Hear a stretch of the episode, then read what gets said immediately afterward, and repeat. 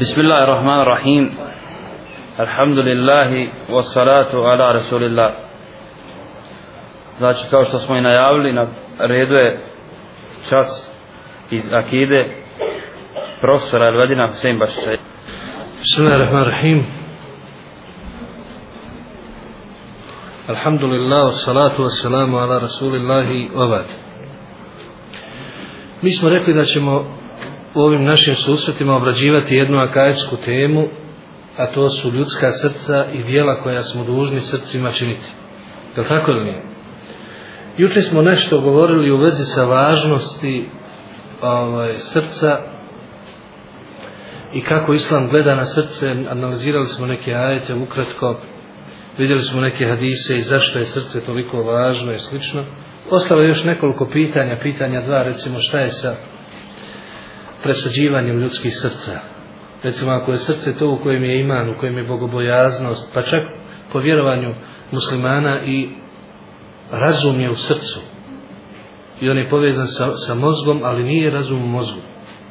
To je vjerovanje islamskih učenjaka. Dok filozofi i još neki drugi, oni kažu razum je u mozgu. Znači šta je s tim ako čovjeku presadimo srce?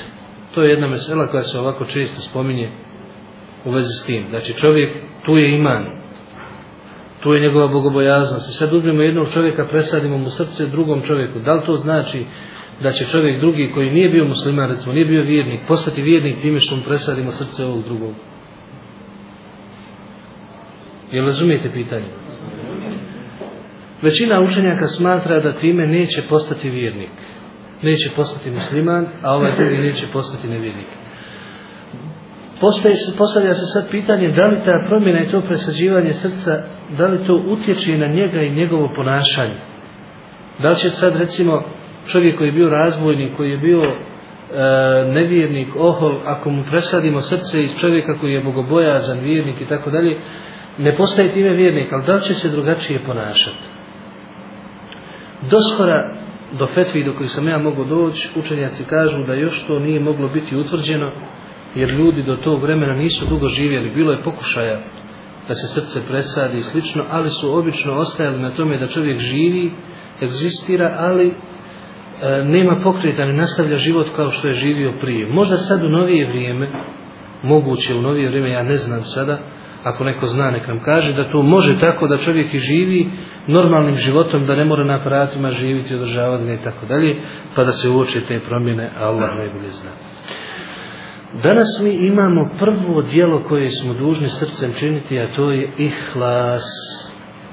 A sad ste govorili o ihlasu, zato ćemo mi to malo skratiti i nećemo dugo o tome. A pomalo ćemo i utvrditi predvodno rečeno gradivo.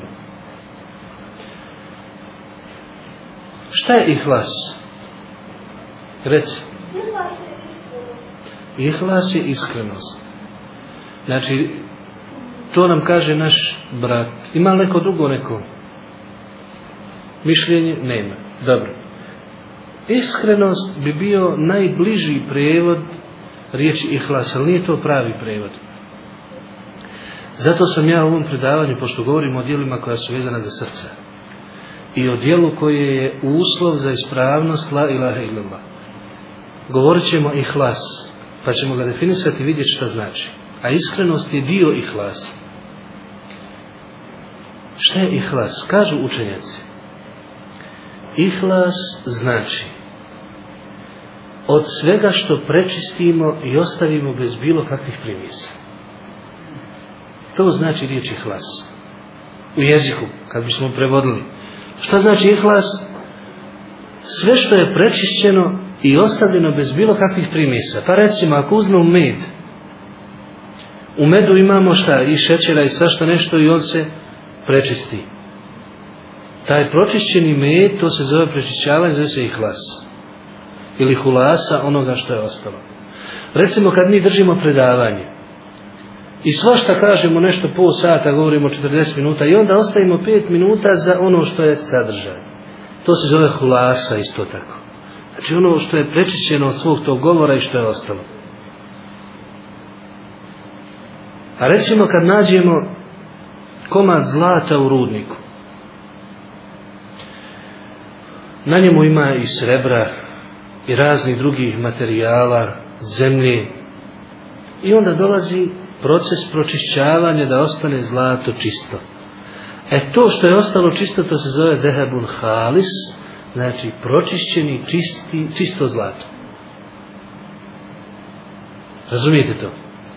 Znači šta je ihlas? Jeste sad dok učili značenje riječi ihlas? Znači da prečistimo nešto od svega što se za njega zalijepilo. To znači ihlas. A šta je ihlas u šerijetu? Kažu naši učenjaci da mi pročistimo naše riječi, dijela i postupke tako da oni ostanu samo Allaha radi i nizakom drugom. možemo to definisati kao filter, ihlas je svojevrsni filter kroz koji pročišćavamo naše riječi, dijela i postupke. Tako da oni na kraju ostanu samo Allaha radi, ni za kog drugog.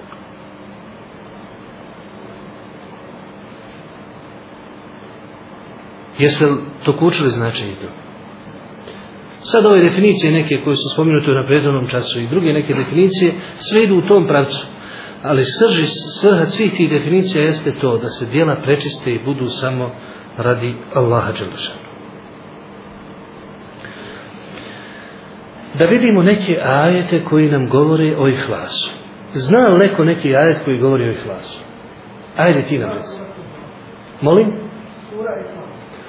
E, moram ti reći selam aleka. Sad si nas naveo na jedno pitanje koje, inače kad je nešto dobro umjesto bravo, kaže se neke selam na tebe, dobro si uradio i tako dalje. Zašto se sura Ihlas zove Ihlas, a u njoj ne spominje se apsolutno iskrenost? Znaš ti suru Ihlas? Ajde prouči nam, Bogu ti. أعوذ بالله من الشيطان الرجيم بسم الله الرحمن الرحيم قل هو الله أحد الله الصمد لم يلد ولم يولد ولم يكن له كفوا أحد Odlično se to uradio. Znam neko prijevac? Aj, ti si, nam, na, ti si nas naveo na ovo. Hm. Znači,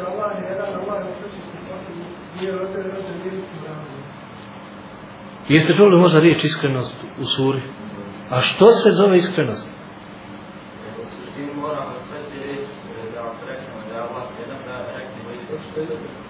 Aha. To se može zaključiti ako riječ ihlas prevedemo kao iskrenost. Ali mi smo rekli da iskrenost nije pravi prijevod za tu riječ. Šta smo rekli da je ihlas? To što nema u ovoj studiju, recimo, vidite pri primjesa nema u ugljeda na širka, recimo. Aha. Znači, znači, nema, očistili smo Allahovu jednoću od svih primjesa širka. Pa recimo kaže, Allah je jedan. Znači, nema dva, nema tri, nema četiri, nema više. Nije rodio i rođen nije, znači i s te strane širk, da ima sina, da ima e, suprugu i ostalo, znači i tu je širk očišćeno sve, pročišćen i tu ove. Nikomu ravan nije, znači i u snazi, i u moći, i u svim drugim vrstama, vrstama tevhida, znači ne, ne postoji ravan i tu smo prečistili. Znači sura Ihlas, nazvana je Ihlas zato što smo... E, pročistili tevhid i ostavili ga čistim bez bilo kakvih primjesa neispravnog vjerovanja. E to je ihlas, to je najbolji primjer šta da dokučite značenje riječi ihlas. Znam neko neki drugi ajet koji govori o ihlasu. Ha? Ako nema niko, onda ću ja. Kaže Allah šanu u suri El Mu'min u 65. ajetu. Hu al hajj La ilaha illa huwa fad'uhu mukhlisina lahu din. On je živi. Allahovo ime Al-Hay znači da je onaj koji živi životom koji priliči njegovoj uzvišenosti subhanahu wa ta'ala. Od uvijek i za uvijek. I njegov život nema nikakve manjkavosti. Nema Boga osim njega. Fad'uhu muhlisina lahu din. Pa ga obožavajte iskreno mu ili sa ihlasom ispovjedajući vjeru. Ed-din je riječ koja označava sve riječi i postupke. To je din. Znači sve svoje riječi i postupke vi šta radite sa ihlasom prečišćene od bilo kakvih primjesa želje za radom za nekog drugog. Je u redu to? Hajde drugi jajet. وما أمروا إلا ليعبدوا الله مخلصين له الدين a naređeno im je, znači govori se o sljedbenicima knjige prije nas, svima, a ujedno i nama. Šta je naređeno svima? Da Allaha obožavaju sa ihlasom mu ispovjedajući vjeru. Znači opet din, sve riječi i sve postupke da očiste od bilo kakvih primisa. E sad, imamo jedan ajet koji je interesantan. Sad poslušajte dobro. Allah Žešanu i Usuri Safat govorio kako će kazniti one koji ne budu vjerovali i koji budu griješili. I onda nakon toga kaže Illa ibadallahi al muhlesin ulaike lahum riskum malum fawakih wa hum mukramun fi džennatin naimu. Bit će kažnjeni, znači, ti koji budu, osim, znači, sad neće biti kažnjeni, oni, Allahovi robovi, koji je on za sebe izabrao. U ovom kirajetu koji mi čitamo. Illa ibad Allahi el muhlasin. Znači, oni koji je Allah Želešanu izabrao za sebe, da mu budu vjernici, to znači, iz ovog kirajeta razumijemo, da to što nam je Allah dao imanu, islam u srce. To je Allahov izbor za nas. I to je počat samim tim za nas. I to što nas je Allah izabrao među tolikim ljudima da vjerujemo u njega i u njegovog poslanika i u objave i sve poslanike prije, to je Allahov izbor za nas. Milioni ljudi obožavaju krave, obožavaju ovce, sunce, mjesec, prirodu, drvo, kamen, obožavaju sami sebe. A onda nas Allah izabere iz svega toga i učini nas samo svojim obožavateljima. Znači da obožavaju samo Allah uzvišu. To je uistinu veliki izbor. U drugom kirajetu, koji mi ne čitamo ovdje, ali kirajet koji je mutevatir, stoji illa ibad Allahi al muhlisin. Ovdje je bilo al muhlesin, ovdje je muhlisin. El muhlisin znači oni koji radi djela sa ihlasom. Znači neće biti kažnjeni samo oni koji budu radili svoja djela sa ihlasom. A šta smo rekli da je ihlas? Red. Iskreno znači, ali drugim riječima rečeno, prečišćavanje naših dijela i postupaka, znači, da budu iskreni i da ne bude ništa u njima bilo kakvog širka. Ulaike lahum riskum malum. Oni će dobiti obskrbu posebnu, falakih, bit će obskrbljeni voćem i bit će počašćeni svim mogućim počastima u džennetskim bašćama u kojima je svaka vrsta naslade. Također kada je Alaršanu u drugom metu govorio o Iblisu, I kada je Iblis zakleo se, dao zavjet i zakletu da će zavoditi Ademove potomke. Na kraju sam Iblis je priznao da neće moći zavesti samo jednu grupu ljudi. Illa ibadake minhumul muhlasin. Osim tvojih robova koji budu iskreni u drugom kirajetu izabrani od strane tebe, to je stalažašanu, koji će biti od Ademovih potomaka, njih neće moći. Znači samo će iskreni biti sačuvani šetanovih spletki. Dalje u sljedećem majtu Allah kaže len je nal Allahe lohumuha vola dima'oha vola kine nalohu tako vam niko. Do Allaha neće doći ni meso kurbana ni njihova krv nego će do njega doći vaša bogobojaznost to jest vaša, vaša iskrenost. sad ćemo navesti šta su učenjaci rekli o ihlasu. Nekoliko samo stvari. E sad poslušajte šta je Ibnu Kajim na nekoliko mjesta rekao o ihlasu. Kaže Ibnu Kajim u svom dijelu ruh, to jest u duši. Kaže on, najvažnije od svega što čovjek radi je da ima ihlas. To jest da bude iskren. I neće se umoriti i ne treba da se umara onaj ko je iskren on je izveden na pravi put i Allah ga njime vodi. A onaj ko nije iskren, neka se bespotrebno ne muči. Jer njemu su presječeni svi putevi. Šeitani ga vode kud hoće, kao izbezumljenu osobu. Svejedno je za njega da li radio dobra djela ili ne. Njega dobra djela samo udaljavaju od Allaha Đališana. Znači, Umjesto da dobra djela približavaju čovjeka Allahu Đelešanu, ako nije iskren, ona ga udaljavaju od njega. To nam Ibn Kajim kaže u svom dijelu Ruh na 227. strani. Na drugom mjestu kaže ona, evo ovo dobro zapamati jedan ovako slikovit primjer, meni ovako izgleda prilično slikovit. Kaže on, primjer neiskrenog čovjeka koji radi dobra djela, ali neiskreno, je kao primjer putnika koji je krenuo na put i svoju mješinu za vodu napunio pijeskom umjesto vodom.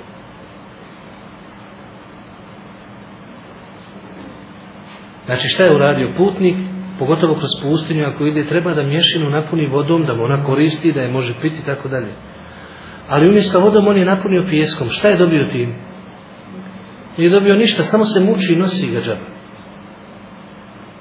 E tako i neiskren čovjek radi dobra djela, muči se, ono su teret njemu na vratu. Ali ništa. Nema nikakve koriste. Jeste dokučili ovaj primjer? Meni onako fino izgleda. Dalje isto tako kaže i Mnukari. Za svako dijelo čovjek će biti pitan od dvije, za dvije stvari. Znači svako dijelo koje čovjek uradi, svaku riječ koje kaže, bit će pitan dva pitanja za to prvo pitanje je zašto je to uradio, a drugo pitanje je kako je to uradio.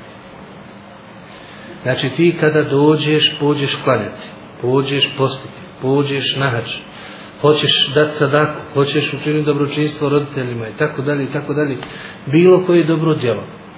Najda ćeš u tom dijelu biti pitan sljedeći. Prvo, zašto si to uradio? Šta je bio povod toga? I drugo pitanje, kako si to uradio? Dva pitanja, zašto i kako? I prije nego što pođeš raditi bilo koje djelo, upitaj sebe ta dva pitanja. Zašto ga radim i kako da ga uradim?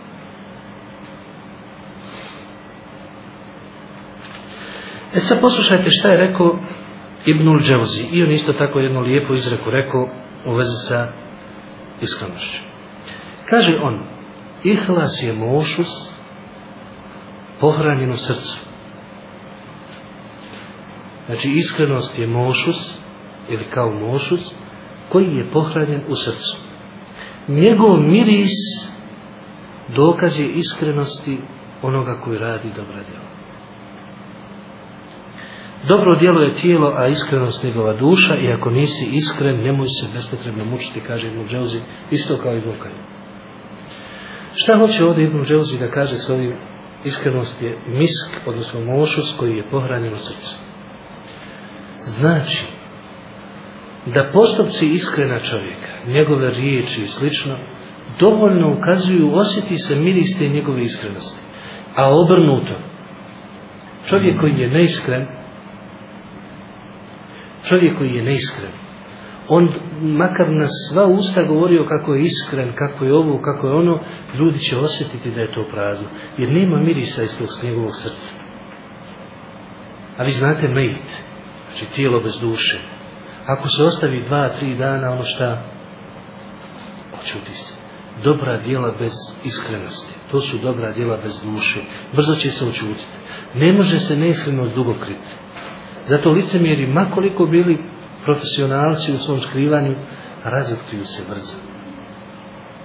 Jer njihova djela se očute brzo zato što nema duše u njima. To su mrtva tijela. Slušajte šta je rekao Kadija i Jad.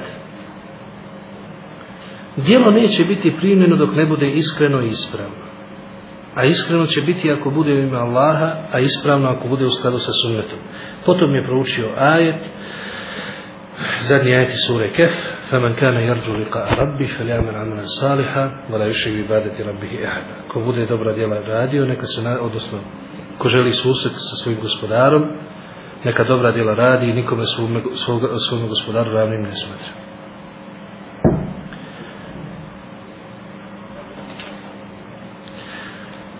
Rekao nam je isto tako Ahnef ibn Qajs. Kaže, osnovno u kulturi ponašanje je kontrola jezika a nema nikakva dobra u sljedećim stvarima. Govoru bez djela, izgledu bez dobrog, dobrog glasa. Misli tu da čovjek samo izgleda onako kao dobar čovjek, kao pobožnjak, a nema pobožnosti tu slično. I metku bez darežljivosti, prijatelju ako nije odan, fiku bez bogobojaznosti i sadaki bez iskrenosti. Znači nema hajda u sadaki ako nije, ako nije iskreno.